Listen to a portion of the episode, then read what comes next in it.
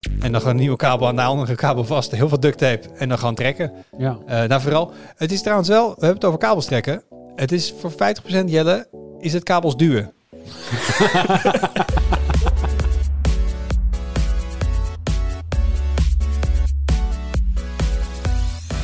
Hoi, leuk dat je luistert. Welkom bij een nieuwe aflevering van de Tweakers Podcast. Mijn naam is Wout en vandaag zit ik in de podcast met Jelle Stuip Hallo. en met Arnoud Bokken. Hoi. Ja, eh, WWDC. Ja, Ja, ja. Wat zeg jij dan? Worldwide Developer Conference. Oh, ik dacht Hola die. Maar die was natuurlijk eerder deze week. Eh, ik, de, de volgende dag opende ik mijn mailbox. Ik denk dat ik 10 tot 12 losse persbericht-e-mails van Apple had. Mhm. Ehm, wij gaan niet al die dingen doorlopen. Maar wel eventjes inzoomen op de belangrijkste dingen. Want ze hebben wel wat dingen aangekondigd. Waaronder natuurlijk de lang verwachte, lang verwachte, lang verwachte VR-bril, AR-bril, XR-bril. Daar gaan we het ook over hebben. Wat is dat ding eigenlijk? De Vision Pro. Mhm. Maar voordat we dat gaan doen, gaan we even naar de post. En vorige week eh, had eh, onze stagiair Rart had het over eh, het trekken van ethernetkabels in Ja. zijn nieuwe huis. Vond ik ook leuk, want ik ben ook recentelijk nog bezig geweest met het trekken van ethernetkabels. Mhm. Ik heb al mijn coax uit de muren gecheft. Ik heb al mijn oude KPN PTT-leiding uit de muur gehaald. Waardoor ik nu naar allerlei ruimtes UTP kon trekken. Maar dan moet je inderdaad zelf... Nou, die kabel dat is nog wel te doen. En dan moet je zelf stekkertjes gaan, eh, gaan krimpen erop. Ehm, als je dat eenmaal een paar keer hebt gedaan, valt dat ook wel mee. Maar voor mij is het Mhm. raar van... Dat is nog best een ding in het begin. Ik, ik vind zelfs, ik heb al heel veel van die stekkertjes erop gezet. Het, het blijft altijd ge, gekut. Mag ik dat zeggen in de podcast? Gepriegel? Echt Gepriegel. gepriegel. Het blijft echt verschrikkelijk gepriegel. Ja. Iedere keer, ja. En wat vind je- is het dan omdat het inderdaad priegelwerk is? Of moet je elke keer weer een schemaatje erbij doen? Wat ook weer de volgorde van de kleurtjes? Dat heb ik ook altijd. Ja en ja. En ik had laatst had ik een ethernet kabel gekocht. Dat was, dat was helemaal balen. Dat was een, op zich een hele goeie. Alle, alle aardepaardjes die hadden een mooi eh, folietje eromheen. Is goed. Alleen vervolgens hadden ze niet allemaal een kleurtje. Dus je had het blauwe en een witte erin, maar niet een, een blauw-witte. Ja, Dus wa- ik had vier witte kabeltjes. Nou ja, En dan weet je niet wie wat, welk adertje. Ik had laatst ook een nieuwe kabel gekocht en toen dacht ik een goedkope kabel gevonden. Toen heb ik, nou, dus gewoon ook een beetje op de prijs letten. En dan zag ik in de reviews ook van, ja, ze zijn helemaal niet color-coded of niet goed inderdaad. Terwijl dan is er echt geen beginnen. Heb je, heb je wel eens kabels geknepen, Arnaud? Nope. Nou ja, begin er niet aan. Of vraag een van ons eh, hoe het moet. Ehm, het is heel fijn als het eenmaal ligt. Mhm. Ja, want wat ik ook heb geleerd, en dat zegt ook eh eh, Koelkast, zegt het ook in de reactie hierop. eh, op solid, oftewel stugge kabels, zet je geen connectoren, maar die moet je op een patchpaneel. Dus je hebt stugge kabel en flexibele kabel. En dat heeft dan iets met de kern te maken, niet alleen maar met zeg maar, de kwaliteit van, het, eh, van, de, van de mantel eromheen. Ehm, maar ik had dus een probleem, probleem, in mijn meterkast is het een stekker en dan komt die in de muur uit van de werkkamer. En daar zit hij gewoon op een wandcontactdoos met een, eh, waar gewoon een stekker weer in gaat. Dus ik had niet van of patchpaneel of connector. Ik heb het allebei. En dat werkt ook. Eh, dus daar is op zich omheen te werken. Hij zegt verder, gebruik zeker geen groene zeep als je kabels gaat trekken. Die heb ik wel eens vaker gehoord. Wa- waarom niet? Nou, dat zegt hij er niet bij. Oh, maar het, het zal wel iets beschadigen. Ik, ik ken hem Volgens mij op lange termijn eh, wordt het dan hard en vervelend en dan kan je niet opnieuw een kabel trekken. Volgens mij is dat een Dat beetje die zeep helemaal uitdroogt daarna. Ja, ja. Ik Ah. moet zeggen, ik heb tot nu toe wel mazzel gehad met kabels. Ik heb nooit ehm, glijmiddel van welke vorm dan ook hoeven gebruiken. Misschien dat er niet zoveel heel veel gekke bochtjes in zitten. Gewoon een trekveer, toch? En dan... Oh, nog geen eens. Er zat er altijd al wat in. Dus ik pakte gewoon Ja, de oude kabel Ja. en dan gewoon duct tape. En dan gewoon een nieuwe kabel aan de andere kabel vast. Heel veel duct tape en dan gewoon trekken. Ja. Eh nou, vooral. Het is trouwens wel, we hebben het over kabels trekken. Het is voor 50% Jelle, is het kabels duwen. Toch in de praktijk? Dat is, dat, is, dat is een ware feituitspraak, Wout. Ja. nee, maar je, kan, ja. je kan aan één kant heel erg gaan zitten te sjoren aan dat ding, maar dan, dan gebeurt er vrij weinig en heb je kans dat de dingen afbreken. Terwijl als aan de andere kant iemand heel netjes elke keer doorvoert en jij Ja. een klein beetje, dan gaat het super soepeltjes. Het, is Mhm. ook, het is ook wel een, een two-person job, inderdaad. Eigenlijk wel. Ja. Of je moet elke keer naar de ene kamer, een stukje duwen en de andere. Dus Ja. eh, bij deze moeten we eh, petitie om eh, kabels trekken te veranderen in... eh Kabels doorvoeren. Dank u wel. Kijk, Dank mooi, u wel. mooi. Ehm, en Koelkast zegt ook, maak alles meteen netjes in je meterkast, ook al ziet verder niemand dat. Ja. Ben ik het mee eens? Op papier heb ik ook in het begin gedaan. Je, je meterkast is een beetje zoiets als gewoon je keukenkastjes. Je ruimt het één keer allemaal op en next denk je, oh, wat staat er allemaal netjes bij? En een jaar later doe je een kastje open en dan schrik je je rot. Ja. Ehm, dus ik moet wel zeggen dat mijn meterkast is wel weer toe aan een hele mooie clean-up job. Want het, het hangt, ik heb gewoon apparaten die aan hun ethernetkabel hangen. En gewoon niet netjes tegen de, het houtbord aangespijkerd zitten. En Jelle kijkt me een beetje afkeurend aan. Jij hebt een mooi opgeruimde meterkast. Uh, nou, in, in, Am in, Amsterdam niet echt, maar ik, ik, ik, ik, heb, ik, ik heb een huis in Frankrijk. ik heb een huis in Frankrijk. Ja, ja, ja. Je bent een schuur aan het verbouwen, weet ik. Een schuur aan.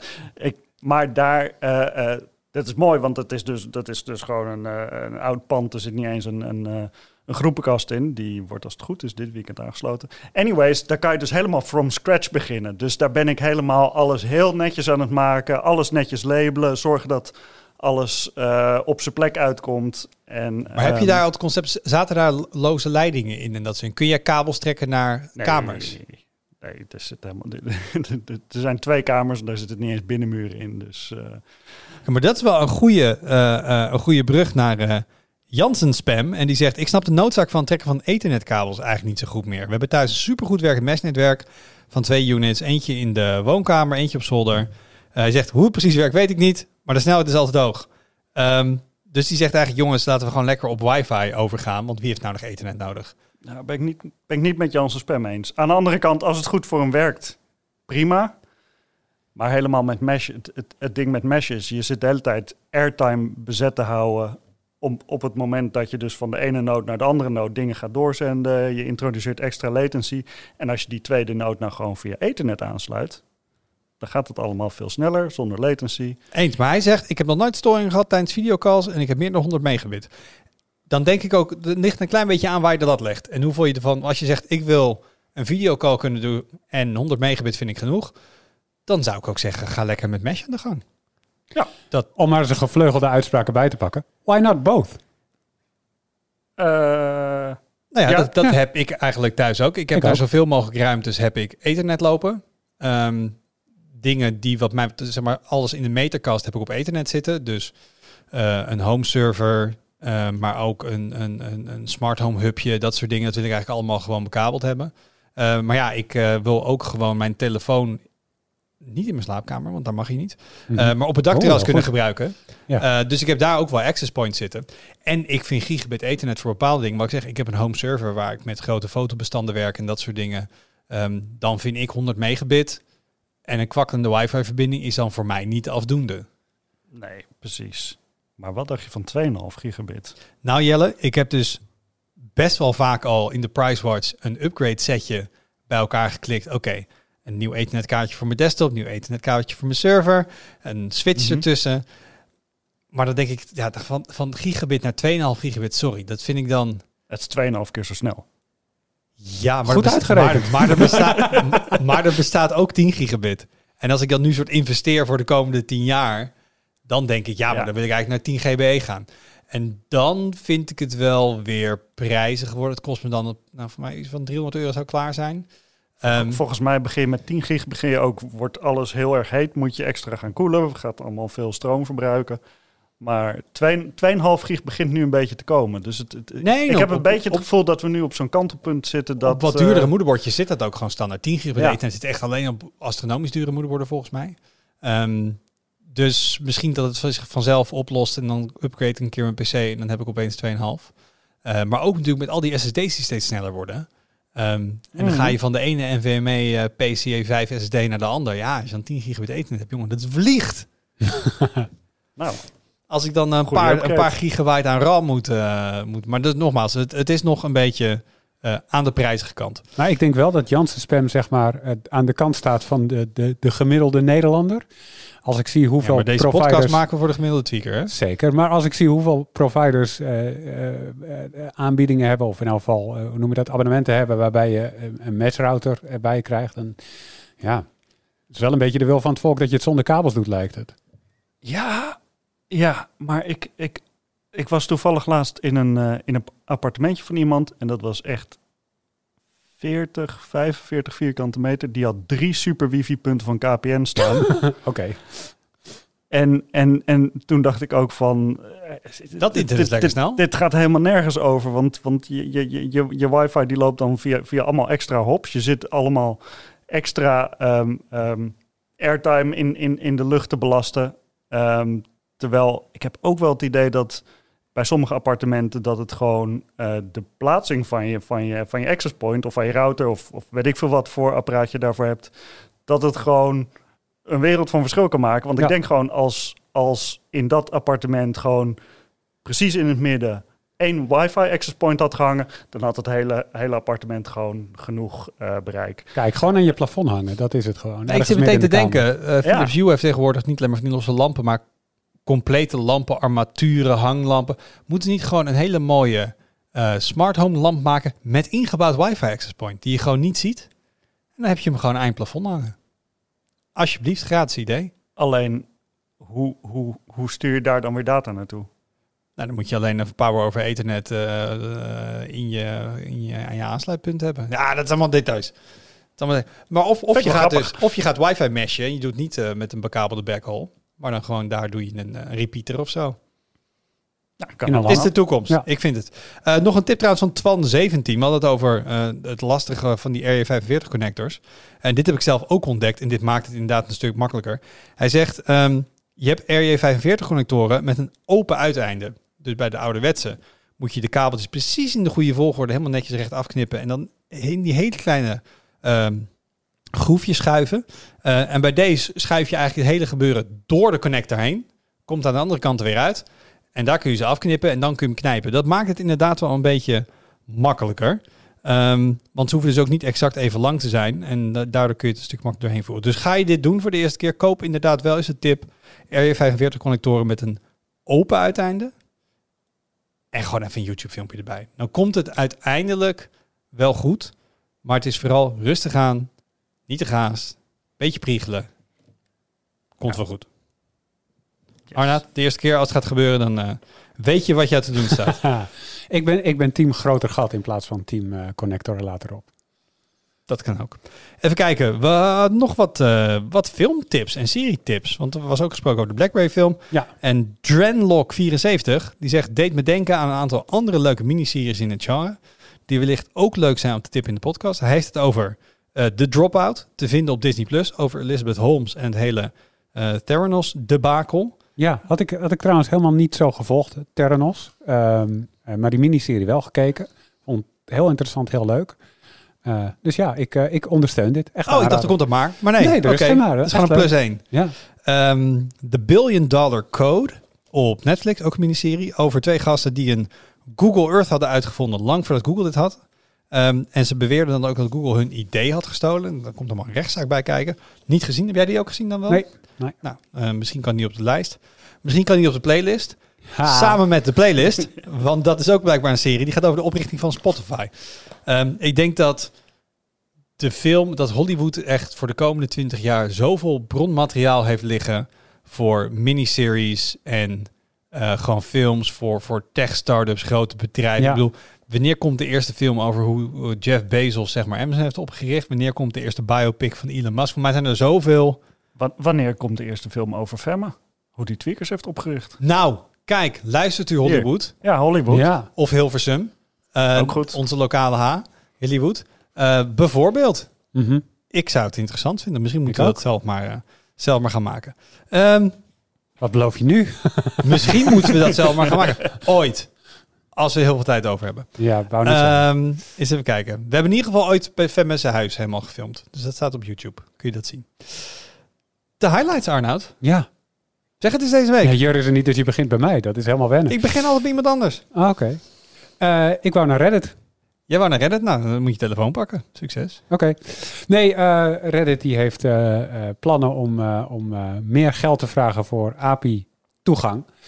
Ehm, of geld te vragen voor API-toegang, toch? Ja. Ze vragen Is het überhaupt geld? Ik dacht dat het meer geld was. Ik kijk je al even aan. Je weet het ook niet. Nee, dat weet ik ook niet. Ik, ik, ik dacht dat ze nu überhaupt geld gingen vragen, maar ik weet het niet zeker. Anyway, eh, eh, als je een Reddit-client gebruikt, zoals eh, Reddit is van, of Apollo. eh, Relay Now, Dat vind ik ook zo mooi. Je kan echt 20 tweakers om een tafel zetten. En zeggen, wat is de beste Reddit client? Je krijgt geen 20 los, losse antwoorden. Dus A, ik wist nooit dat er zoveel Reddit clients zijn. Mhm. En dat iedereen zo'n specifieke smaak heeft. Ja, Want Ja. ik ben een relay persoon en jij bent een... Reddit is van. En Jelle is een... Ja, de officiële Reddit-client. Nou, bij deze moeten we verzoeken deze jij podcast bent te de slimste aan deze tafel, Jelle. Want jij kan gewoon je client blijven gebruiken zoals je deed. Jij gaat geen problemen krijgen, nee. Ja, maar ik, ik, ik had ook, ik, ik, ik had gewoon, ik ins- installeerde gewoon de Reddit-app en toen heb ik er verder niet meer naar gekeken. Dus ik, ik wist niet dat er zoveel smaken en soorten Nou, en volgens mij waren. En- helemaal in den beginnen was er geen Reddit-app. En Klopt. wel een API. Dus de third, er zijn veel third-party clients die ouder zijn dan de officiële clients. Dus als Zeker. je daar toen al gebruik van maakte, Ah. dan ging je niet daarna naar een client met minder functionaliteit dan wat je gewend was. Ja, Oké, maar in ieder geval, dus de API, eh, daar gaan ze geld voor vragen. ja en dat is veel geld. Eh, de, de ontwikkelaar van Apollo was het. Eh, die had het bedrag online gegooid. Wacht, doe eens een gooi, of weet je het? Hoeveel die moet betalen per jaar? Per jaar. Nou, dan moet ik even gokken, hoe, hoeveel gebruikers... Apollo is een grote. Ja, maar dan heb je het nog steeds niet over miljoenen gebruikers, denk ik hoor. Nou, laten we zeggen dat hij 500.000 gebruikers heeft. Oké, En hij moet het ook terugverdienen. Dus stel dat hij een dollar per gebruiker betaalt of zo. Nou, half miljoen. wat denk jij Jelle? Ik heb het nieuwsbericht hier voor me staan. Eh, met extra informatie trouwens, voorheen was het inderdaad gratis. Oké. Het wordt dus 20 miljoen dollar per jaar. Dat voor API-toegang. voor API-toegang. Ja, dat is echt bizar. Dit is ook een trend, hè? API's dichtzetten. Zeker. Dat is tw- 20? Maar dan moet je toch... Dan kun je toch nooit meer een nieuwe app starten? Ja, klopt. Dat is ook precies de bedoeling. Want als je nog zegt van we- je moet gaan betalen een, een bepaald aantal cent per API-call... Mhm. dan kan het meeschalen met je gebruikersgroep. Je zegt, oké, ik heb een heel klein appje met maar een paar gebruikers, maar ik hoef ook weinig te betalen en dan, dan groeit het mee. Maar dit is toch een instapdrempel waar niemand meer overheen komt.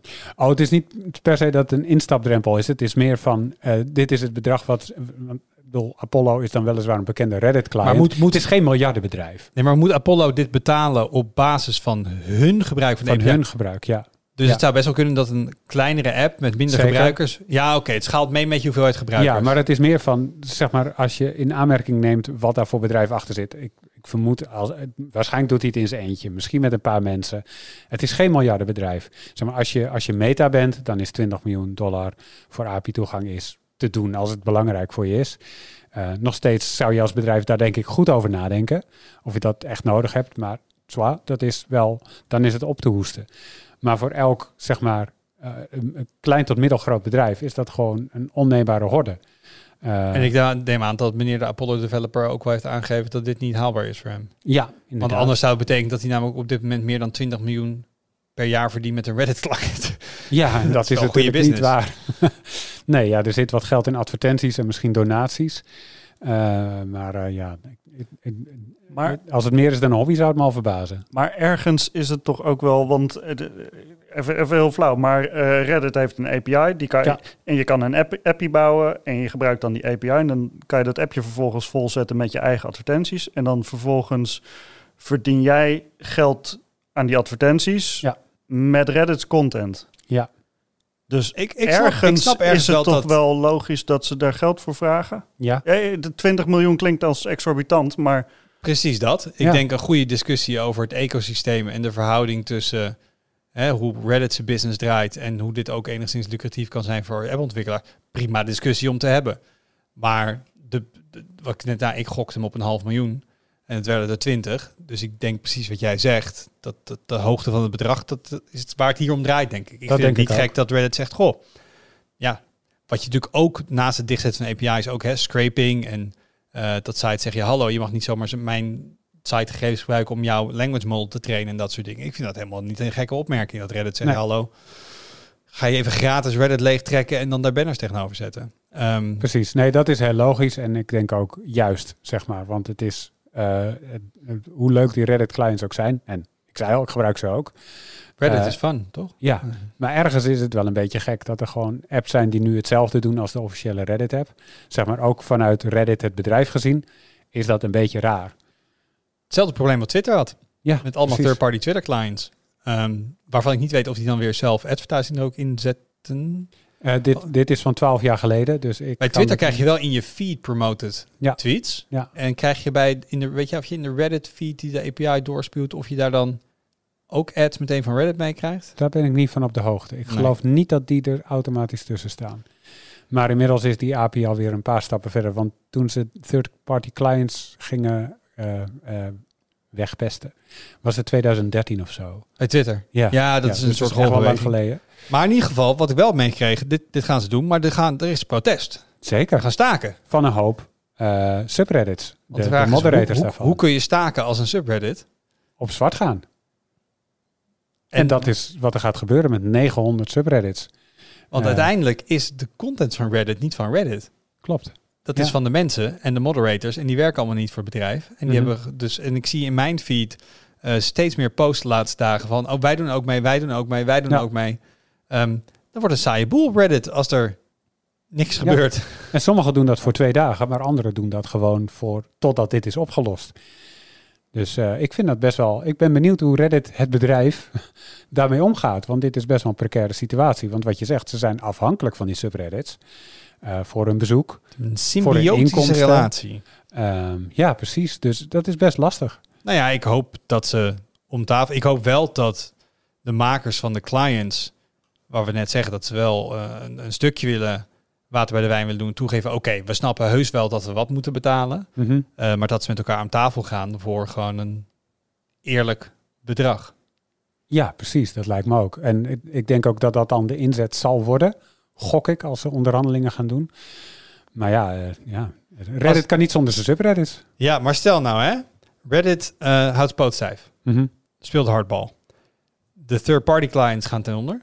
Ja, dan op een gegeven moment denken misschien die subreddits, ja, kunnen we wel op zwart blijven gaan. Er is een alternatief. Die gaan misschien van zwart af. Stel dat we naar de toekomst gaan van, er bestaat alleen het officiële Reddit. Ja. Met de officiële app of de officiële site.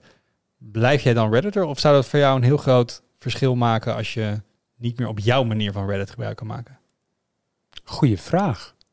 Dankjewel. Eh, ik denk wel dat ik op Reddit blijf. Eh, Ik ben namelijk al, Ja, ik het wel. ik ben naar Kamp Jelle aan het overschakelen. Ik heb dus een paar dagen geleden al. de officiële client geïnstalleerd. Puur om gewoon dus naast elkaar te gebruiken. Ik mis allerlei features. mhm. Wat Ehm, mis je? Ja, voor- vooral gewoon layout dingen. Ik kan echt in, in, in Relay kan ik op duizend manieren kiezen hoe ik precies mijn feed wil hebben. Ja, Ik vind de foto's hier te groot.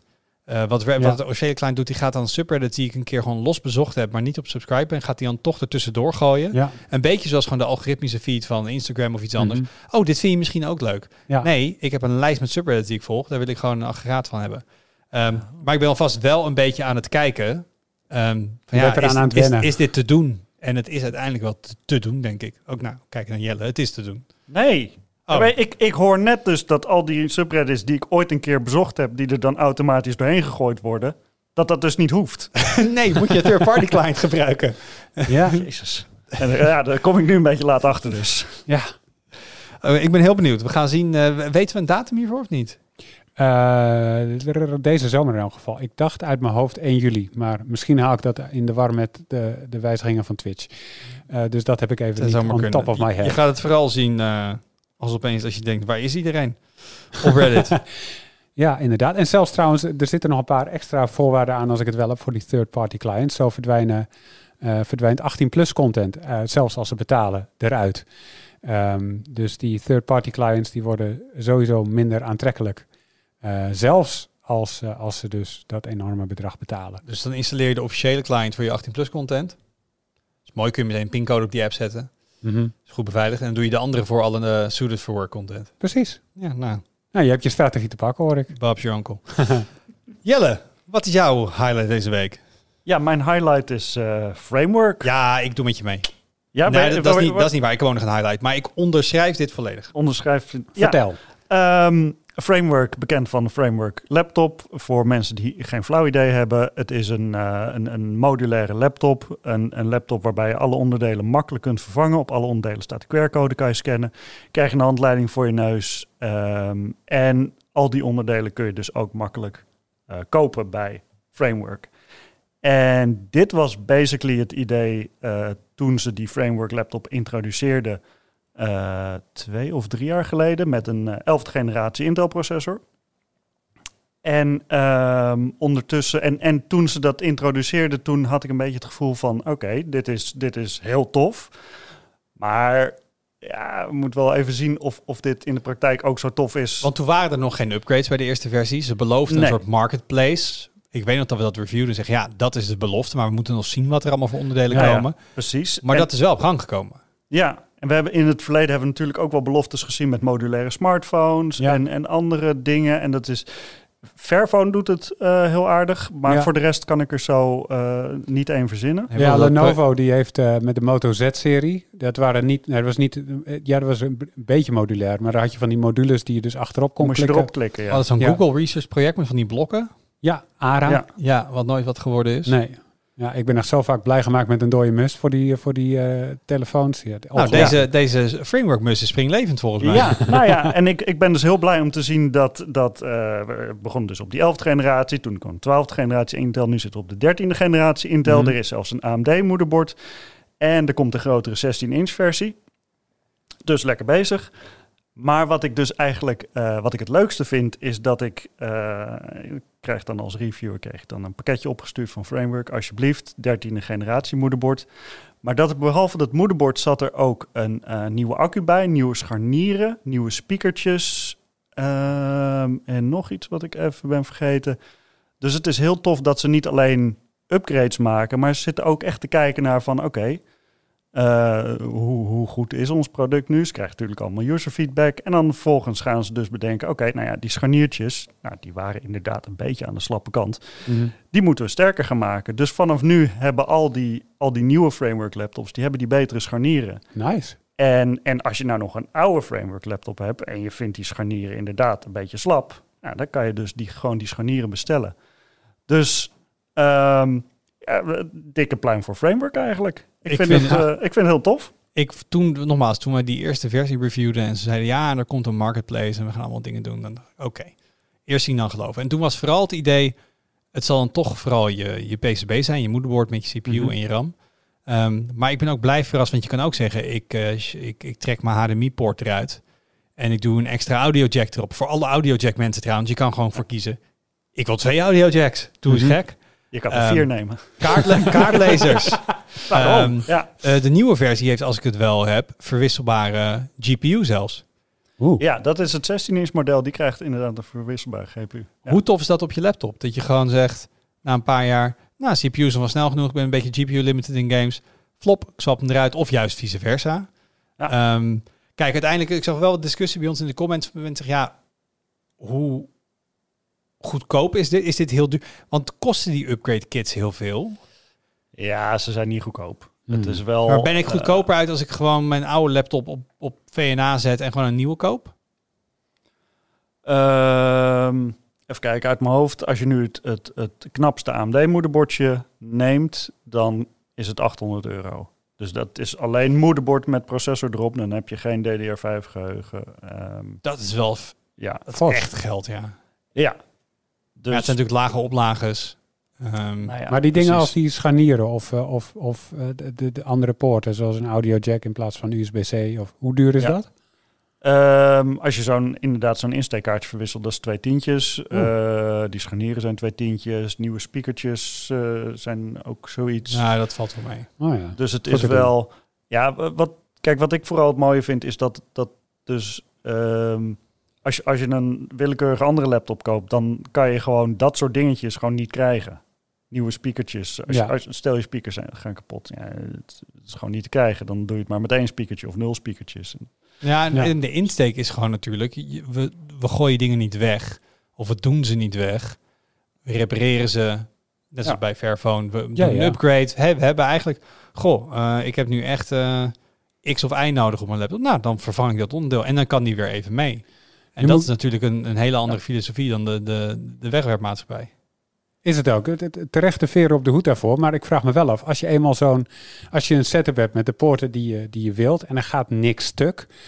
ehm, eh, dan zijn die dingen, dat voelt dan wel een beetje als dongels of zo. Eh, want je moet ze apart verwisselen. Ja. Eh, ik denk eigenlijk dat je dat in de praktijk nauwelijks zal doen. Vraagteken. Eh, dat denk ik niet. Maar het idee is ook wel van op het moment dat je hem dus aanschaft, dan zeg je van oké, doe mij maar vier USB-C-poorten. Oh zo. Of, of, Het is eh, vooral- ja, vooral bij dat aanschaf is het ook, kan je gewoon kiezen. Het is modulair- Ja, modulair. Voor mij is het inderdaad vooral dat je de initiële configuratie zelf kan kiezen. En niet dat Ja. je van dag tot dag wisselt. Maar als je dus geen 3,5 mm jack wil, want je bent een Bluetooth boy, Mhm. Dan zeg je ja, ik doe liever een extra USB-C-poort. Of je Zeker. zegt ja, ik moet heel vaak met een beamer en een HDMI-kabel werken. Dan heb ik er standaard een HDMI-poort op zitten. En die Ja. Modulariteit, nog niet eens uitwisselen, maar gewoon het kunnen configureren van de poort op je laptop. Ja. Hoe vaak zie- lees ik in Jelle's reviews niet van, hey, dit is een hele toffe laptop, maar wel jammer dat die aansluiting niet op zit. Ja, je bent Ja. screwed, want daar gaat er ook niet op komen. Nee. Ehm, dus ik vind het een mooi concept. Kun je het display ook vervangen? Ja, ze hebben. Oh, dat was het laatste wat ik, eh, wat ik wou noemen. Ze hebben nu een eh matscherm toegevoegd. En, eh, ik, ik ben eh, altijd meer van de matte dan van de glanzende schermen. Eh, en dat, dat matte scherm, dat, die is nu ook standaard geworden. En jouw voorkeur kennen? Kan ik ook een OLED-scherm kopen? Nee, helaas geen OLED-scherm. Oh, Oh, wat dat is balen. Maar dat is wel nice zeg. Oeh. Ja, en is het, is dit officieel in Nederland? Moet je gewoon rechtstreeks bij, bij Framework bestellen dit toch? Nee. online? Nee, Nederlandse website. Eh, of tenminste, het is framework.nl. En volgens mij zit er Ah, ook oké. een, eh, een, warehouse in, het, eh, in Nederland. En het laatste dingetje, nog even over het scherm. Het scherm vervangen is dus zo ontzettend simpel. Er zit een bezeltje rondom het scherm, Ja. zoals bij de meeste schermen. Dat zit met magneetjes, dus dat trek je zo rats eraf. Dan moet je iets voorzichtiger doen. Maar, ehm, en dan zijn het vier schroefjes en dan heb je het display er al uit. Het is echt Wauw. ja. Nou, ik, ik, word, ik word er enthousiast van. Ik heb, Ja, ik ik heb vaak genoeg eh, onderdelen van laptops, eh, schermen en dergelijke lopen vervangen. Dat je echt eindeloos bezig bent voordat je er überhaupt bij in de buurt komt. Dit is gewoon zo simpel. En nog even los van de prijs, want het, als je voor een, een, een duppie op de eerste rang wil zitten, dan is dit niet voor jou. Maar los daarvan, is het een goede laptop? Ehm, het is een prima laptop. Ja. Toetsenbord, touchpad, Ja. bouwkwaliteit. Ja, dat is, dat is prima. Het is niet. Koeling. ehm, het is zeker niet slecht. Het is ook niet. ehm, kijk, op het moment dat je dus alles aan elkaar lijmt. Eh, en dus niet vervangbaar maakt, dan kan je dingen natuurlijk heel sleek en dunnetjes maken. Mhm. En stevig. En, en eh, dan wordt het ook wat steviger van. Ja, dat is het dus niet. Nee. Het is, eh, ik heb hier een, een, een MacBook voor me staan. Dat is het het, niet. het is niet dat gevoel. Nee, Nee. Maar het is een heel tof concept. zeker. En je kan lekker upgraden. Alright. Ehm, ik, ben, ik ben blij. Mooi. Ja, toch? Nou, dan ben ik Goed. blij dat je blij bent. Mooi, blij dat ik blij ben. Want ik las een, een uitspraak van de ehm, CEO van eh, Raspberry Foundation, denk ik, het bedrijf van de Mhm. Raspberry Pi. Want zeg tegenwoordig tegen een Raspberry Pi en je krijgt een soort rollende ogen, net zoals tijdens videokaarttekorten. Ja, allemaal hartstikke leuk. Ja. Die dingen zijn of niet te krijgen of schrikbarend duur. Ja. Eh, en de CEO die heeft gezegd, ehm, de tekorten zijn nagenoeg voorbij. Yes. Dus we kunnen weer eh, naar hartelust gaan tweaken met Raspberry Pi. Ze zeiden van, nou, de laatste twee jaar was echt wel eh, een dieptepunt. Eh, en dat was gewoon, ja, voor mij gewoon slechte forecasting op bepaalde onderdelen die ze nodig hadden. Ze zijn van leveranciers geswitcht voor bepaalde chipjes en, en dingen die ze moeten sourcen voor die, voor die kleine computertjes. Ehm, hij voorziet vanaf deze zomer een miljoen leveringen per maand. En daarvan zegt hij, nou, dan, trouwens, hoeveel van die dingen worden wel niet verkocht dan wereldwijd? Ehm, Miljoen per maand? 12 miljoen per jaar. Ik snap hem. Ehm, maar dat zijn er wel heel veel. Ehm, en daarmee zegt hij, zitten we gewoon op een, eh, op een goed niveau. En dan kunnen mensen gewoon weer vanuit gaan. Want bijvoorbeeld iets als die eh, nog ineens normale, maar bijvoorbeeld de compute modules. Die zijn ook super populair om dan weer in andere producten te gebruiken. Ehm, Dus ik, ik weet niet even wat dat was. Er was een... eh, bijvoorbeeld de Homey Pro. Die gebruikt dan de compute modules. Die kopen ze dan zelf in. Mhm. Maar de, ehm, ik zit in mijn smart home ook natuurlijk. Eh, de, de, de Home Assistant Yellow, dat is zeg maar de, de smart home hub van Home Assistant zelf. Eh, dan verkopen zij je eigenlijk hun eh, dochterbordje met een behuizingje. Je moet er zelf alleen maar even een compu- computer aan hangen. Nou, toen ze dat ding anderhalf jaar geleden uitbrachten, Ja. was het, hè, er werkte nog anderhalf jaar aan, was het hele idee super makkelijk, toch? Ja, behalve dat je dus die computer models nergens nog kon vinden. Dus Ja. ehm, Ai. Goed nieuws. Ze komen er weer aan. Eh, hebben jullie er nog veel in gebruik thuis?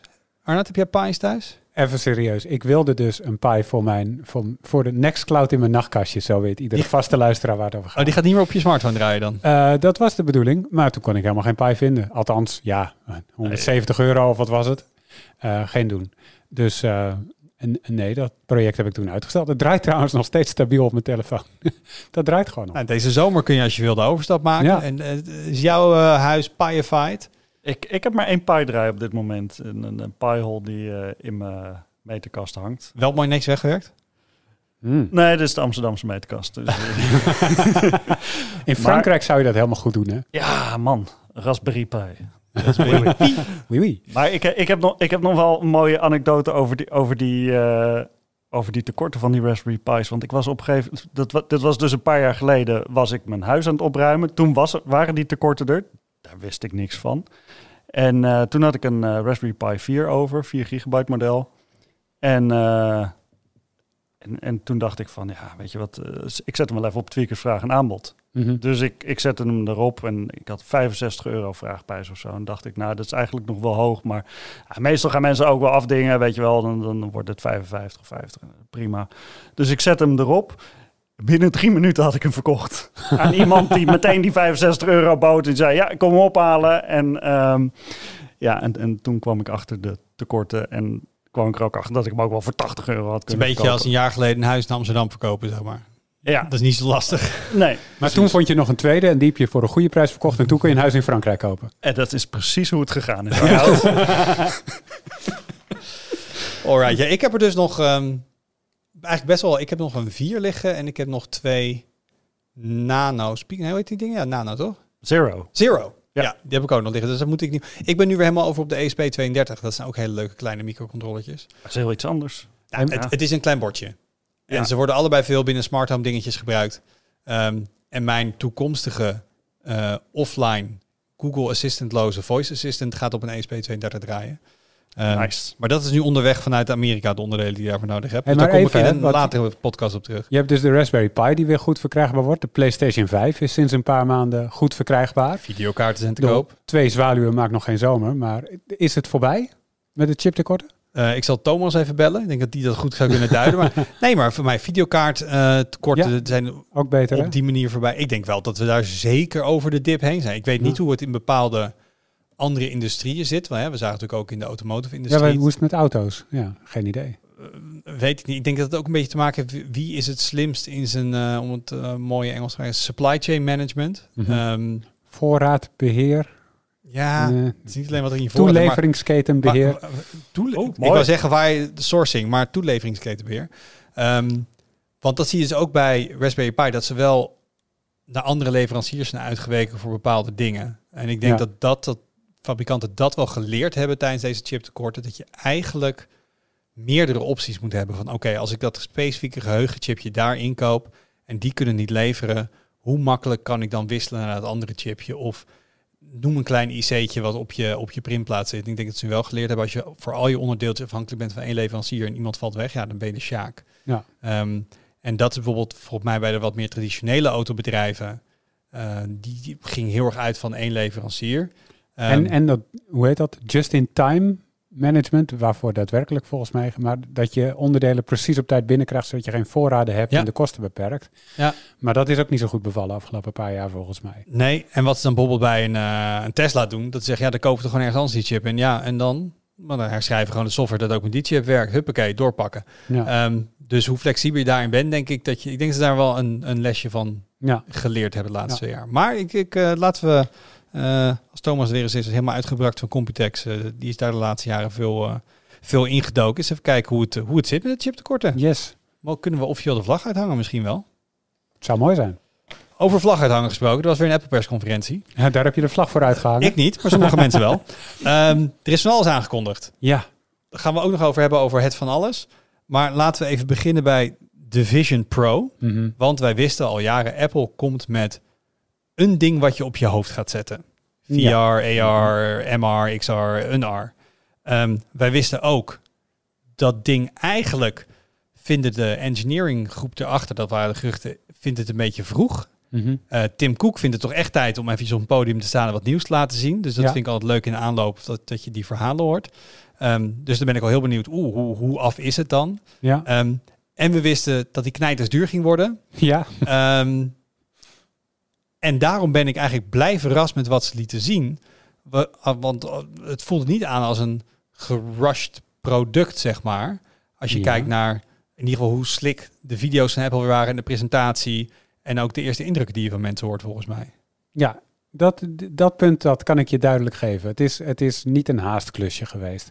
Nu moet ik wel zeggen, ik, als ik de geruchten die duidelijk achteraf grotendeels juist blijken te zijn, want heel veel van de dingen die Apple heeft aangekondigd, die waren eh, op een juiste manier uitgelekt, dan hadden ze wel het plan om dit al een jaar geleden of anderhalf jaar geleden te presenteren. Dus het is in de loop van de tijd dat die ontwikkeld is, is het wel degelijk al uitgesteld geweest. Dus dat het allemaal slik is. Eh, aan de andere kant, het is ook een heel belangrijk moment voor Apple, want zoveel echt nieuwe producten, ja, die zijn er niet. De laatste was zeven jaar geleden, denk ik. Zeg maar een product in een nieuwe categorie, dat waren Ja, de. AirPods en de Watch in 2015. En daarvoor was de iPad. Zeg maar, zo weinig gebeurt het. Ja. Ehm, dus ja, het is een belangrijk moment. Ik snap dat ze dat heel erg goed willen doen. En als je daar tegen afzet, dan, dan denk ik wel van... Dit is, het, het, is anders dan de vorige keer, heb ik het idee. Ja, kun je hem heel kort samenvatten voor iemand die eh, deze week onder een steen heeft geleefd? Wat is de Vision Pro van Apple? De Vision Pro is, eh, het heeft het uiterlijk van een skibril. Eh, het is een VR-bril. Iets anders kun je het niet noemen. Nou, dat kan wel hoor. Ah, dat doen ze ook bij Apple. Zeker, dat kan. Maar het, het, het is in werking een VR-bril. Dus het heeft in, in beide ogen een schermpje. Het heeft camera's aan alle kanten, zodat je het kan besturen met, eh, met je handen. Het heeft natuurlijk microfoons. Je kan ook besturen met je stem. Dat gebeurt ook deels, is de bedoeling. Eh, en het heeft een, en dat is eh, de onderscheidende factor volgens mij, een scherm aan de buitenkant zitten. Die dus aan de buitenwereld communiceert of jij bezig bent met iets of dat je contact kan maken. Hoe? Hoe? Ja, Door hoe communiceert dat scherm naar iemand anders die bij mij in de woonkamer zit, dat ik klaar ben voor menselijk sociale interactie? Nou, als jij iets anders aan het doen bent, je bent bijvoorbeeld een film aan het kijken of je bent op je desktop bezig, dan laat hij een soort van wolkachtige nevel zien. Op het moment dat je klaar bent om contact te maken, dan laat hij je ogen zien. En dat kan natuurlijk niet, want het is donker eh, aan de binnenkant van die bril, behalve de schermen die licht geven. Maar dat is een soort van eh, 3D-render van je ogen en dan vervolgens daarin geprojecteerd eh, wat hij ziet met, eh, met eh, eye tracking. Dus met het bijhouden van de, van de oogbewegingen. En daar verzint hij dan, denk ik. Nee, dat is in FaceTime, sorry. Daar verzint hij dan eh, in FaceTime de gezichtsuitdrukking bij. Want die ziet hij natuurlijk niet echt. Ehm, maar op het moment dat hij dat op de buitenkant laat zien, dan zijn het alleen de ogen en waar je heen kijkt. Ben je onder de indruk van wat je gezien hebt? Technisch gezien wel. Marketingtechnisch gezien Helemaal. schort er ook wel wat aan. Wat? Nee. Nou, ehm, het- even denken. Wacht, voordat, je, voordat je begint. Jelle, Ja, Ja. even- jij hebt het ook gezien? Ja. Jij hebt ook wat VR-brillen hiervoor gezien en gebruikt. Ja. Wa- Wat was er- jij hebt- hebt gezien, eh, de sessie was afgelopen. Met welk gevoel bleef jij achter? Oh, ik, ik blijf achter met het gevoel van... ik kan me niet voorstellen dat dit gaat werken. Ehm, maar, en, en ook met het gevoel, eh, wat Arnoud zegt... dat technisch gezien is het echt heel, heel cool. Want er zit echt een hele, de hele trit sensors en camera's op de buitenkant. Ze hebben Ja. een aparte processor ontwikkeld... om al die, want er komt natuurlijk superveel data vanaf... om al die videostreams, om dat allemaal eh, eh, te analyseren. En, Ja. dan, en ook Jij, jij, jij zei net van, je bedient het met je hand, maar dat is dus ook, het, het, is echt maar een, een klein tikje tussen je vingers. De, je hebt geen controle in je hand. Het is echt, Mhm. hij mon- monitort je vingers en je doet je duim en je wijsvinger tegen elkaar. En dat betekent eh, eh, klik. En hij, hij monitort dus ook heel, heel secuur waar je ogen heen kijken. Dus je kan het, het hele menu kan je dan met je ogen eh, doorgaan. En het draait dus zijn eigen besturingssysteem. Dus je hoeft dit niet aan een Mac of een iPhone of weet ik veel wat te hangen. Dus technisch gezien, het is, het is echt awesome dat dit allemaal past. En dat het, dit kan dan op je hoofd. En het wordt slechts gevoed door een, door een soort van powerbank die je dan weer in je zak moet hebben. Maar goed, oké. of, je, of je doet het met stopcontact. Of je staat de hele tijd aan een stopcontact.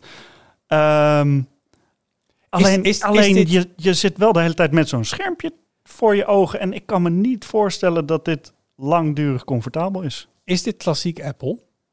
Het is Is dit Nee. later instappen in een productcategorie waar zeker al dingen gedaan zijn, maar waar de perfecte formule nog niet gevonden is? En dan eigenlijk de huidige staat van die categorie helemaal verfijnen en heel goed uitvoeren, Ja. maar ook niet wezenlijk heel veel nieuwe dingen introduceren. Ik, ik vind dat ik- het in ik- die zin is het classic Apple, ja. Want het is zeg maar net zoals dat een. eh, ik bedoel, wat ze doen. Ik bedoel, als ik kijk naar wat kan een Meta Quest 2 of een Quest Pro. v- vingerbesturing met gebaren hebben we gezien. Niet Ja. op dit niveau. door een schermpje heen kijken met OLED-displays hebben we gezien niet op dit niveau. Zeker. Camera's in de buitenkant hebben we gezien niet op dit niveau. Al die dingen die zo'n eye tracking, al die dingen, het bestaat al, maar het bij elkaar brengen in één pakket en het op een heel hoog niveau doen, dat is toch wel een beetje wat Apple Zeker. vaak doet. Technisch is het zeker een Apple-product. Maar dan, nu kom ik op een punt van marketing uit. Want als je kijkt naar die eerdere productpresentaties die Apple heeft gedaan, neem de AirPods. Ehm, iedereen, zeg maar, ook al vond je het eruit zien als een, als een, als een, als een tandenborstel die uit je oor komt. ehm, is het ook. Is het ook. ik vind dat nog steeds als ik het zie. Iedereen wist wel gelijk, oh, dit ziet er fijn uit om mee te werken. Dit, dit, dit, is, dit is waar audio heen gaat. Even tussendoor. Een AirPod was toch geen nieuw? We hadden toch Protocategorie, zeker. Ja, ze hebben een touwtje weggehaald. Maar ik bedoel, het concept van iets in je oren stoppen waar geluid uit komt, dat kenden we toch al jaren. Dat kenden we al wel. En Ja, als je maar- teruggaat naar de iPhone, wat in 2007 eh, echt de meest invloedrijke productpresentatie in tech tot nu toe is geweest. Zeker. Eh, daarvan snapte iedereen, dit is, eh, dit, is, dit is de toekomst. We hebben hier de toekomst gezien van hoe je telefoons gaat bedienen. En dat is dit niet. En dat komt denk ik door de marketing van Apple, de manier waarop ze het presenteren. Eh, ik neem er één voorbeeld uit waarvan ik denk van dit, dit stuit mensen echt tegen de borst. Ehm, je hebt die vader die zijn kind filmt eh, met die headset op tijdens een verjaardag dat hij de kaarsjes uitblaast. Als ik bij mijn kleine kinderen, zijn niet klein meer, dus ik kan het niet. Als ik dat zou doen, ik weet zeker dat mijn hele familie gelijk die headset van mijn hoofd zou rukken. Waar Want je bent ben jij mee bezig? Echt, je bent echt een ASO dan, dat doe je niet. En zelfs als dit over tien jaar wel gewoon is, wat prima zou kunnen als de headset anders is of het is doorzichtig, echt. En dan zitten de schermen erbij en dan kan het. Wel, misschien dat het dan gaat, maar op dit moment eh, ehm, ben je dan gewoon met iets bezig wat maatschappelijk eh, niet geaccepteerd is. En dat Apple dat als marketing gebruikt en zeg maar ook alles eromheen, eh, de, de, de hele productpresentatie, het maakt niet duidelijk waarom dit ding goed is, zeg maar waar het beter in is dan onze huidige producten. Het Nee, is maar je kan anders, er je desktop op gebruiken. ja, maar dat kan ook op een desktop. Eh, je kan er films mee kijken. Dat kan ook op je tv. Je kan de audio mee luisteren. Kan op je AirPods. Ja, ik snap waar dat reisje heen gaat. Ehm, en het is, maar het, ben het met je eens ook. Het idee van zo'n Apple-product is, ze doen het dan, ze vervatten dat in zo'n eh, product en dat doen ze technisch, doen ze dat heel goed. Hebben ze weer gedaan, dat is echt waar. Waarom is het beter dan al die andere producten? En ik heb de hele presentatie gezien, ik weet het niet. En wat mij vooral opviel, is dat vooraf eh, kwam al, hè, allemaal gerucht naar buiten. En ook dat die dus heel duur ging worden, 3500 dollar. Eh, dat zal denk ik meer dan 4000 euro worden als hij Ja. uitkomt. En daardoor was het idee, ja, dit gaat eh gemarket worden richting bedrijven en developers en dat dingen. Want je kan niet met droge ogen net doen alsof mensen, gewoon consumenten dit gaan gebruiken. En dat is precies wat ze gedaan hebben. Dus Ja. die, die hele presentatie was ook gewoon inderdaad wat je zegt. Je bent met je kinderen aan het spelen met die bril op je harses. En wat ik vooral interessant vond en wat ik eigenlijk wel een gemiste kans vind. Want eh, we- we zijn vaak wel kritisch op Apple en soms zijn mensen ook een beetje cynisch. Maar je kan niet omheen. Apple, daar zitten echt hele slimme mensen. Ja. En die komen soms met dingen uit de hoge hoed dat je denkt, hè hè, dit is weer zo'n ding wat alleen Apple kan bedenken. En er zijn een heleboel dingen zijn nog niet goed aan VR-brillen. Ehm, power. Dus Ja. of ze gaan tekort mee, of je moet ze met een kabel ergens aansluiten. Eh, dat ding zit op je hoofd. Duw tegen je voorhoofd aan, is oncomfortabel. De field of view, je kijkt gewoon door een skibril. Ik bedoel, hartstikke mooi die beelden van dat je een volledig field of view hebt, dat heb je niet. Ehm, het ziet er awkward uit met anderen in de ruimte. Geen enkele van die bestaande problemen van VR heeft Apple laten zien dat ze daar een antwoord op hebben. Het enige wat ze doen is of ze negeren. Ehm, dus eh, er wordt niks gezegd over de field of view. Eh, bij de demo's zat er nog een wat lelijke topstrap bij, die ze gewoon in het materiaal niet laten zien. Mhm. Eh, wat je ook hoort van demos, dat hij wel hard tegen je wangen nog steeds aandoet. Ook al is hij best wel ergonomisch. Ehm, je ziet mensen in een ruimte met andere mensen gewoon met dat ding rondlopen alsof het de normaalste zaak van de wereld is. Dus het wordt of een beetje weggewuifd, of ze hebben het er gewoon niet over. En dat vind ik gewoon een gemiste kant. Want dat zijn denk ik wel dingen in de pra- praktijk, zoals je zegt op een verjaardag. Daar moeten we nog iets mee. Ja. Het is niet opeens normaal geworden doordat je het in een reclamevideo doet alsof het normaal is. En daar had ik juist van Apple. Ik kijk niet naar Apple voor altijd technische innovatie, ook kunnen ze dat ook heel goed. Ik kijk ook een beetje vanuit de gedachte, vanuit de gebruikerservaring en, en de, de hele, om het maar op zijn Engels, experience noemen. Ervaring. Ja, nee, maar dat, de Apple is experience. Oké. Ehm, en daar had ik dus iets meer verwacht. Oké, nu gaan zij eens even laten zien hoe VR dan wel al die drempels weghalen. Ja. Eh, en dat hebben ze nog niet, wat mij betreft, laten zien. En dat, dat is ook een beetje de tendens van ook de media die ik erover lees. Ik was er zelf niet bij. Maar zeggen, dit is een heel goed uitgevoerde VR-bril. En het is nog steeds een VR-bril. ja. Met alles wat erbij hoort. Hey, met Jelle, wij hadden het eh, vooraf al even over. eh, dit is natuurlijk een tussenproduct voor, eh, voor Apple, waarschijnlijk richting, richting iets anders. Heb je het idee dat ze dit hadden moeten overslaan? Wat bedoel je met waar, waar, waar het Nou, eh, Tim Cook heeft het al jaren over eh, augmented reality. En in de toekomst is het heel raar dat we dat, dat, we dat ooit niet hadden. Zeg maar. dat, Mhm. dat zegt hij erover. En zulke quotes en interviews geeft hij al jaren. En ehm, tot nu toe was ook het idee van, nee, Apple die, die brengt dit dan uit voor ontwikkelaars. Dat, ik dacht ook inderdaad dat dat zou gebeuren. En vervolgens komen ze met een brilachtig ding, Op waar je die dus manier. echt doorheen kan kijken. En niet met allemaal camera's. Gewoon Waar eigenlijk gewoon een zonnebril met gewoon allerlei Ja, projecties erin. precies. Nou ja, wat, wat, wat dit ding natuurlijk ook wel is, het is. ehm, het, je, jij verwacht misschien een, een tussending, maar het, het, we hebben het er nu over alsof, alsof we weten wat het voor VR-bril is of wat het gaat worden. Maar eigenlijk, eigenlijk is het nog helemaal niet duidelijk wat het nou precies voor apparaat gaat worden. Want het is, ze hebben dit nu wel zo aangekondigd, eh, juist tijdens zo'n developer conference. Eh, ze gaan het volgend jaar pas verkopen, geloof Ja. ik. Ehm, en die periode ertussen, die is voor developers om er, om er apps en software en weet ik veel wat voor te maken. En voor Apple om dat ding af te maken. En, niet en dat, dat waarschijnlijk ook. Ehm, en ik, ik denk dat, dat dan misschien duidelijk wordt wat, wat, voor, wat voor apparaat dit gaat worden en waarvoor de meeste mensen hem zullen gaan gebruiken. En, en het zou ook best wel eens kunnen dat dat, eh, dat het gewoon nog verandert. Ik, ik weet nog van de Apple Watch bijvoorbeeld. De Apple Watch werd, werd eerst door Apple in de markt gezet als een sieraad. En ik Ja. hele, hele dure versies kwamen daarvan uit. ja, die gouden van, van- 15.000 euro. Ja, ja, precies. En, en het eigenlijk wat hij wat hij dan kon was ja, notificaties laten zien. Ik kon wat apps installeren. En toen ergens rondom de Watch 3 of 4 eh, ging het roer helemaal om en ging de focus ineens op, op sport en gezondheid vooral. Ehm, dus ik, ik, ik, ik ben echt heel benieuwd hoe, hoe dit apparaat er over, over een aantal jaar uit gaat zien. Als hij dan niet gekild is, zou ook nog kunnen. Het beste voorbeeld is denk ik gewoon de iPhone. Want het werd voorgesteld met, er is geen App Store, daar geloven wij Ja. niet in, wij geloven in webapps. Ja. En toen hebben ze toch maar een 180 gemaakt op een gegeven moment. En nu is een telefoon zonder apps niet voor te stellen. Dus ik ben het met je eens dat Ja. de, de markt bepaalt ook een beetje waar iets heen moet. Ehm, ik ben het heel erg met jou eens, Arnold. Dit moest gemaakt worden. Ik, Mhm. ik geloof er wel in. Je kan niet ehm, itereren en doorontwikkelen en echt een, een goed product maken alleen in een R&D lab. Iemand moet de eerste zijn, het op de markt brengen en een soort van toegeven schoorvoetend. Ja, dit is versie 1 en fouten maken. En je moet eigenlijk publiekelijk ook op je bek gaan. Want alleen door zeg maar de massa en, en dat iedereen het gebruikt, dat al die developers mee kunnen, dat je dat ding massa moet gaan produceren in een fabriek, dan loop je tegen problemen aan. Ik bedoel, ik heb ook heel veel respect voor wat Samsung met foldables doet. Die zijn gewoon heel vroeg ingestapt. En die Ja. eerste fold, schermen gingen stuk, er gingen zandkorrels in. Iemand moest als eerst gaan. Iemand moest publiekelijk op zijn bek gaan.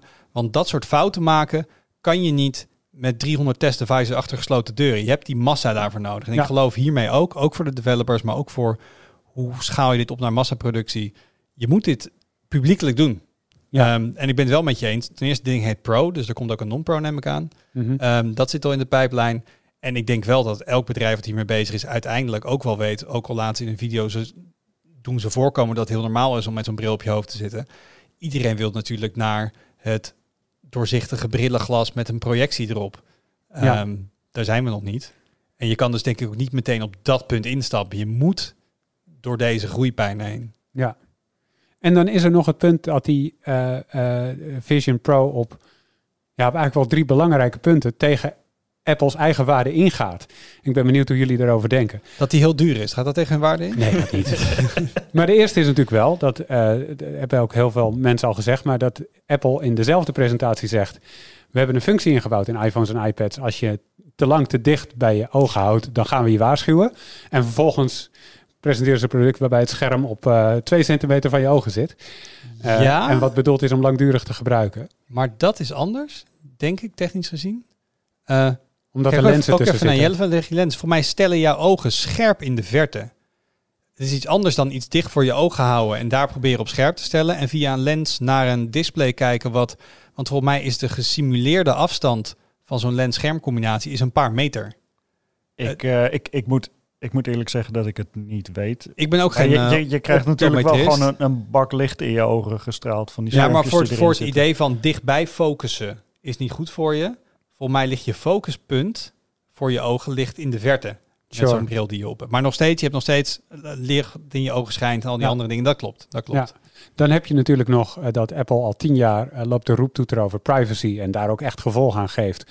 En nu een apparaat op de markt brengt met 15 camera's die altijd aanstaan. Lokaal verwerkt op de R1'tje. Zeker, zeker. Maar toch, zeg maar, als, als iemand iets kwaads wil, dan kan dat met zo'n apparaat. Ehm, en het derde, dat is me even ontschoten, maar dat is van... Oh nee, ik weet het alweer. Eh ze hadden in de presentatie veel aandacht voor geestelijk welzijn en, eh, en, en, Ja. en, en dat soort dingen. Dat zit nu in, in health, in gezondheid. Maar vervolgens brengen ze wel een apparaat op de markt... eh, wat jou doelbewust isoleert van je omgeving. En dat vind ik ook een beetje gek. Ja, dit stimuleert niet om gezellig Nee. met andere mensen om te gaan. Ja, met hun digitale don't call it avatars persona's eh, op FaceTime als zij ook dit ding opzetten. Ja. Ehm, ja, ik... eh, en nog even 3500 euro? Ja. Ja, het is heel flauw elke keer, maar het is wel... eh we het net even bij de lunch erover. Echt de, de, de, de prijselasticiteit van Apple-producten voor mij... En uiteindelijk, hè... ehm, we leven in een, in een kapitalistische samenleving. En het is Apple's goed recht om te kijken... hoe belachelijk duur kunnen wij dingen maken... totdat mensen het niet meer kopen. Eh, en die, eh, dat, dat, dat blijkt een rekbaar begrip Zeker. eh, bij de klanten. Dus ik... Maar er is, dit is nu een Vision Pro. Er komt waarschijnlijk ook wel een Vision. Die dan goedkoper is en net iets Ja, maar ze zeggen er wel bij, dat zei ook aan het eind van de stream, van ja, eigenlijk is het beter dan je tv. En je audio, en je dit, en je dat. Ja, Dus eigenlijk is het een koopje. Vinden jullie dit apparaat waarvoor je... Het, het, het is absoluut gezien veel geld. Ehm, Of zeggen ja, maar voor wat je ervoor terugkrijgt en qua hardware is dit wel een logisch bedrag. Het, is, het, is, het is zo moeilijk te zeggen, want we, eigenlijk weten we er nog helemaal niet zoveel van. We, hebben- we hebben video's gezien wat je, er, wat je ermee zou kunnen doen. Je, je, kan, er, je kan er film op kijken, en nog, nog wat dingen. Maar, maar eigenlijk de use case van dit apparaat, st- stel, ik, ik, ik zie het gewoon nog niet voor me. Ja, Het, de, eh, wa- de waarde zit misschien ook in wat je ermee gaat doen. Als een developer iets bedenkt wat je hiermee kunt, wat je voorheen niet kon. wat en als die- priceless En als is. dat heel waardevol is, dan is dit ding zijn geld er. Ik moet zeggen, met de demo's die ze nu gegeven hebben, een virtual desktop, gekke manier van facetimen, ehm beetje webbrowsen, dan snap ik niet waarom je hier zoveel geld aan uit zou geven. Ik, ik, ik mis, denk dat wij ook weer terugkomen, we missen een beetje de, de ja. killer app. Ik vind trouwens voor de, de geboden hardware en het werk dat erin zit, is de prijs natuurlijk niet super gek. Zeg maar, het is, eh, het is ook de prijs van, ik wil niet zeggen de gemiddelde MacBook, maar je hebt niet de top MacBook op het moment dat jij eh 4000 euro uitgeeft. In ieder geval niet de top Mac, eh, want dat kan voor meer dan 8000 Je hebt minimaal. de, de 3500 euro, is een beetje de instap 16-inch MacBook. Precies. Ja. ja. En dan heb je geen 15 camera's en twee 4K schermen en weet ik veel wat. Eh, of Nee, uit- en, is- en nog een derde OLED En terugkomen bij het begin, het is echt, op basis van wat nu gezien is het een prachtig stukje heel slik verpakte hardware dat heel mooi op elkaar afgestemd is, plus Ja. software. Ik bedoel, en dat, dat, dat, dat moet je ze geven, eh, 100%. Dat is echt weer gewoon wat je ook verwacht van Apple. Maar Wout, jij bent wel, eh, ik wou zeggen, VR-liefhebber. Klopt dat? Zou ik, zou ik dat Mm, ja.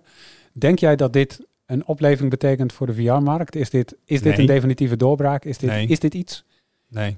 Hm. Want A, ehm, als, als Valve, een Valve Index met 800 euro uitkomt en iedereen zegt, wow, dat is wel heel erg duur. Eh, en waar de Vive zat en dat soort dingen.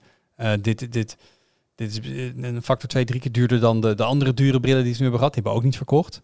Ehm, en dat is denk ik wel, dat verbaast me af en toe bij Apple. Het gemak waarbij ze dit soort bedragen in beeld zetten. Mhm. Als je gewoon even om je heen kijkt. Wie kan er zomaar 3500 euro uitgeven aan een gadget? Koop je gewoon een tweedehands autootje voor. Dus eh, voor dit geld zie ik, dit is voor de elite. Dit is een elite product. Sure. Je kan hem vast op, op afkopen kopen. Ik bedoel, wat, wat heeft de potentie om de VR-markt, en dat is ook niet gelukt, ehm, echt op gang te krijgen, is juist iets als een, een Meta Quest 2 van 300 euro. Ik denk dat je daarmee kun je een markt creëren.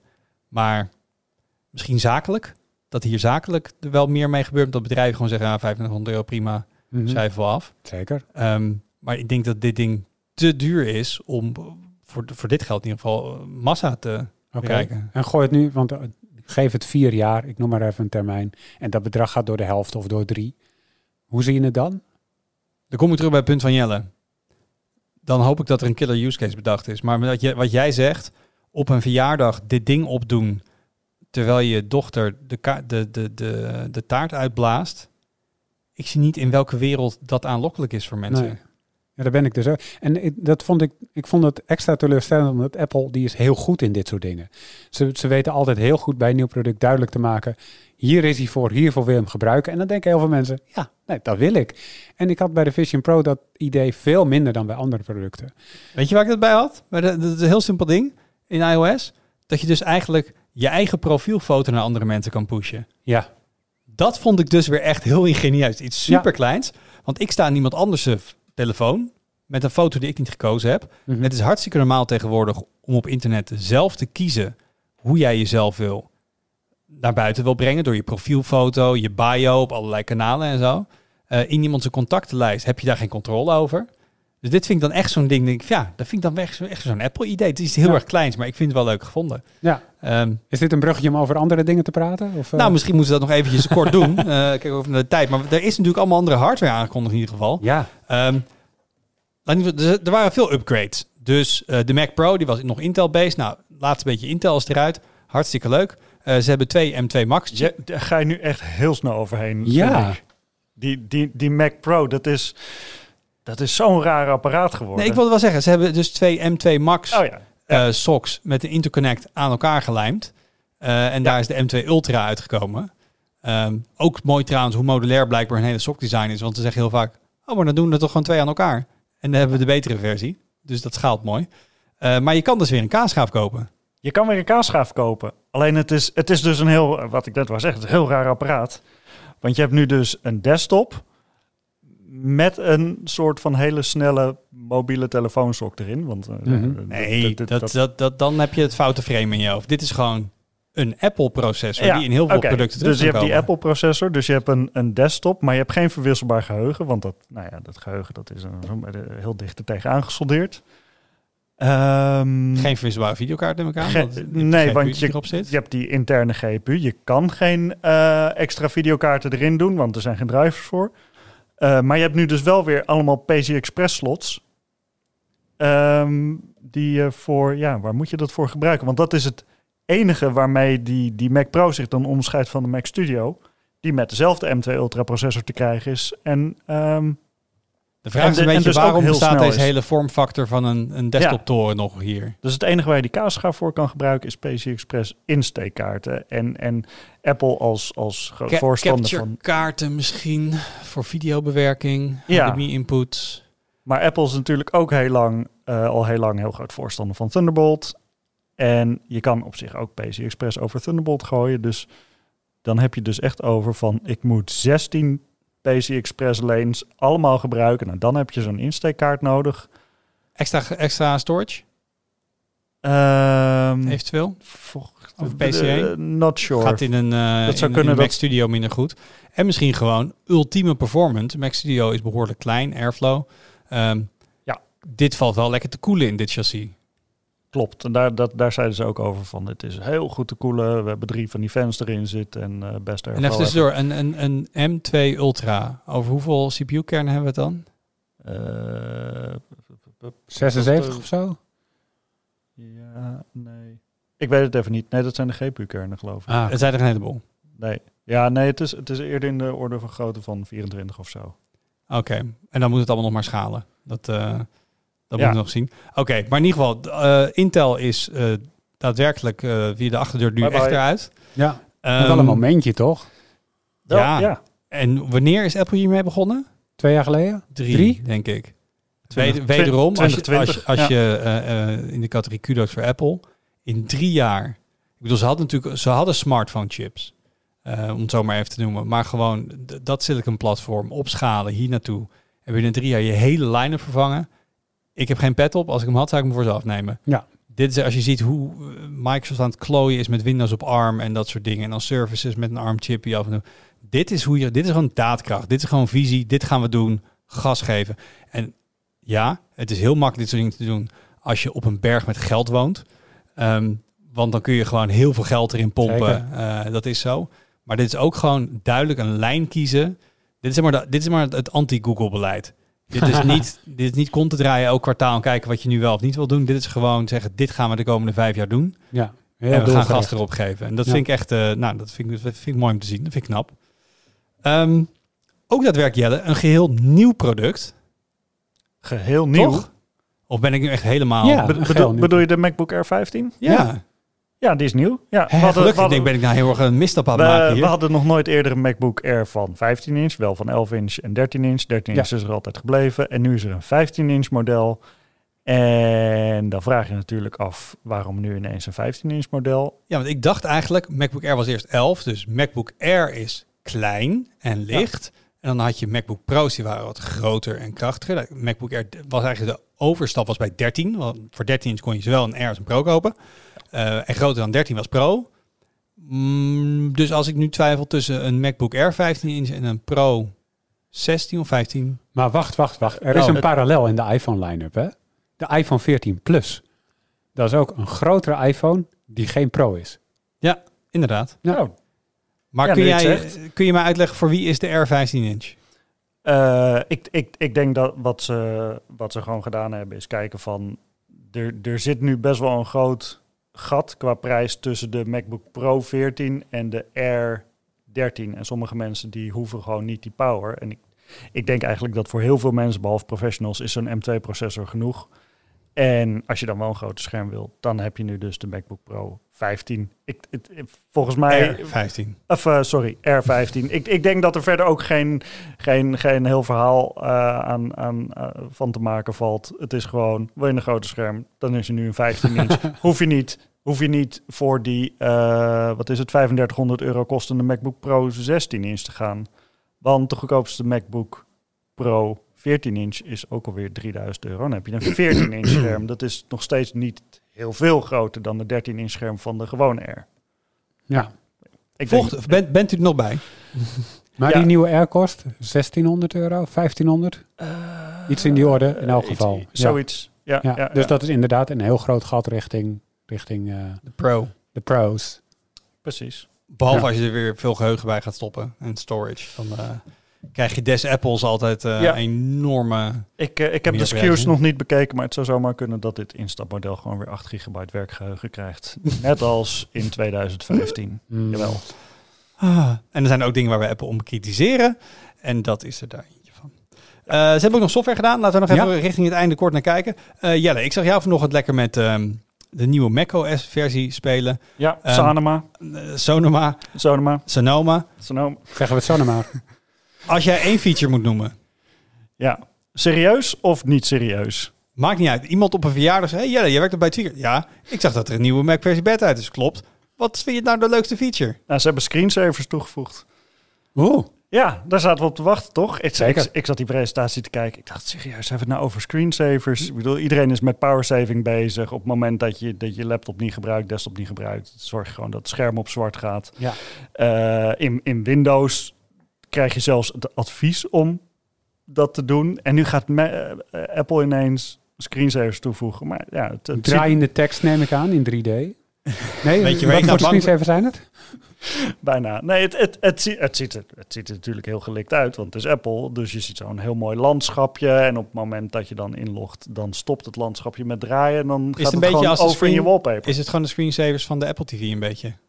Dat zijn ook gewoon van die hele mooie Eh, natuurshots met kleine beetje beweging erin. Ja, eh, eh, zoiets. Maar dan met als verschil dat het dus kan overgaan in de wallpaper van je desktop. Dus dat het dan, ja, het beweegt en dan stopt het met bewegen en dan is je desktop. Ik vind het anders in 2023 een heel tegendraads idee. En ik ben bang dat nu andere bedrijven opeens laat dit jaar focus op screensavers gaan hebben. Eh, want zo on, eh, onorigineel is de industrie ook wel.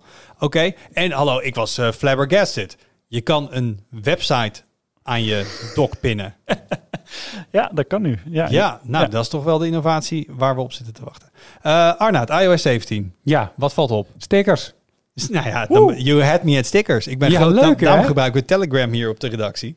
Vanwege de stickers. Ja, en wat je dus heel makkelijk kan doen, is die stickers eh, maken. Eh, of ze in Telegram werken, eh, volgens mij niet. Dan zijn het gewoon plaatjes, maar het zijn niet de stickers zoals die in Telegram zitten. Maar je kan ze wel overal plakken als plaatjes. Maar wat je dan doet, je maakt een foto. Dan denk je, dat is een leuke foto. Laat ik Wout daaruit knippen. En dan hou je gewoon je vinger er lang op. Dat kon vorig jaar al. Dan heb je een soort van object geselecteerd. Ehm, eh, maar nu staat daarbij, voeg sticker toe. En dan doe je voeg sticker toe, kan je er een outline omheen doen. Dus dan komt er een mooi wit randje eromheen. Of je doet eh, dat het een beetje eh, een, een, een komisch effect heeft. Of een, een beetje veelkleurig effect. Het kan ook een bewegende sticker zijn als je dat wil. Dan zie je een beweging erin. En dan kun je dat Dan vanuit... komen gewoon mijn twee favoriete dingen samen. Stickers Ja. en gifjes. Precies. Nou ja, dat is, ik bedoel, ik, de iOS 17 heeft meer nieuwigheden. Dit is wel waarmee ik gewoon, eh, waarvan ik dacht van, ja, dit, dit wil ik. Deze laat jij op een verjaardagsfeestje zien. Dit laat ik zien, ja. Want als ik een. Telegram sticker wil maken, heb ik een foto. Dan gaat hij naar mijn computer. Dan ga ik naar Photoshop. Dan knip ik hem daaruit. Dan doe ik een stroke eromheen. Ja. Een randje. Sla ik hem weer op. Moet ik de Telegram bot gaan praten. Hey Telegram bot, ik wil er eentje toevoegen. Wat een gedoe. Dit klinkt wel een stuk Dit makkelijker. is beter, ja. Oké, nou wil je nou weten wat er eh, nog meer ehm, nieuw is in die software dan... Nee, dat is, een brugje naar de sneak peek. Wauw. Hou dan de site je in de gaten, want we komen ook daar met eh, previews Ja. van die software. Eh, verder, als we het dan hebben over in Photoshop dingen uitsnijden. Als je dingen hebt uitgesneden, kun je daarna de witruimte weer invullen. Eh, want in de beta van Photoshop zit natuurlijk generatieve AI. Zeker. Ehm, dat is best wel bijzonder goed. Ik heb ermee zitten spelen. Ik was natuurlijk met al dit soort dingen. Soms is het resultaat heel gek, maar het is in veel gevallen heel indrukwekkend. Ehm, het is niet getraind op een open dataset, waardoor je allemaal gedoe krijgt met, eh, met, met, nou, is het legaal of niet. Eh, dus collega Jeroen die is daar eh, flink aan het induiken. Ehm, dit zie ik mezelf nog wel gebruiken. We hebben het vaak met dit soort dingen. Hè? Waar gebruik je nou ChatGPT voor? Waar ga je nou al die AI-dingen voor gebruiken? Ehm, zeg maar september vorig jaar of oktober draaide ik een eigen versie van Stable Diffusion. Waarbij je Python moet installeren, waarbij je de, de goede CUDA-packages moet installeren, waarbij Ja. je een bepaalde GPU moet hebben, waarbij je eerst een model moet trainen. En toen zeiden we ook in de podcast, ja, dit gaat heel snel heel veel makkelijker worden. Ehm, het zit gewoon in Photoshop. Je Ja. neemt een abonnementje Photoshop, je klikt het aan, je doet een prompt, klaar. Ehm, dus ik wil nog alleen maar eventjes gewoon weer de aandacht vestigen op onze profetische kwaliteiten. dat dit eh, inderdaad heel snel heel goed uitgewerkt was. Oké, dus daar kun je meer over lezen. Ehm, Daan is bezig met een stuk over Intel PowerVia. PowerVia? Ik weet niet. Ja, je, je, je Ja. Kijkt, je kijkt mij aan ehm, en ik weet, Ja, niet, denk- ik weet niet wat het is. Ja. het is een nieuwe... Nou ja, VIA's, dat zijn volgens mij, eh, dat is een manier om twee chips aan elkaar te plakken. Nee, dit gaat er vooral om dat eh, volgens mij Intel de data eh, stromen en de power stromen in de package van elkaar scheidt. En dat zeg maar de, de, de power aan de achterkant van de package gaat lopen fysiek en de data meer aan de andere kant, waardoor je dus minder interferentie hebt tussen eh, nou, alles wat over die chip heen stroomt. Oh, klinkt Eh, goed. Dat is wat ik ervan begrijp in ieder geval. Daan begrijpt het veel beter. dat ga die- ik lezen. En die, en die gaat Mhm. erover schrijven. En eh, eh, onze goede vriend, eh ICT-jurist Arnoud Engelfried, heeft voor zondag ook weer een stuk neergepend. Ehm, dus dat en meer op Tweakers. Hou het in de gaten. Ik vind het wel weer mooi geweest voor deze week. Ja, ik ook. Het was gezellig. Eh dankjewel eh voor jullie bijdrage. Dankjewel voor het luisteren of voor het kijken. Heb je nou feedback? Wil je ook in de post? Heb je een leuke opmerking of eh, weet je ons ergens op te verbeteren? Dan kun je altijd even een reactie achterlaten onder de punt geek of op YouTube. Of we kunnen ook getwitterd worden. Of waar zit je nog meer? Ik weet niet waar je allemaal zit. Ik was, even de tel kwijt wat je allemaal al hebt In ieder geval podcast.tweakers.net. Daar mag je het ook heen sturen. En je hoort ons dan weer volgende week. Doei.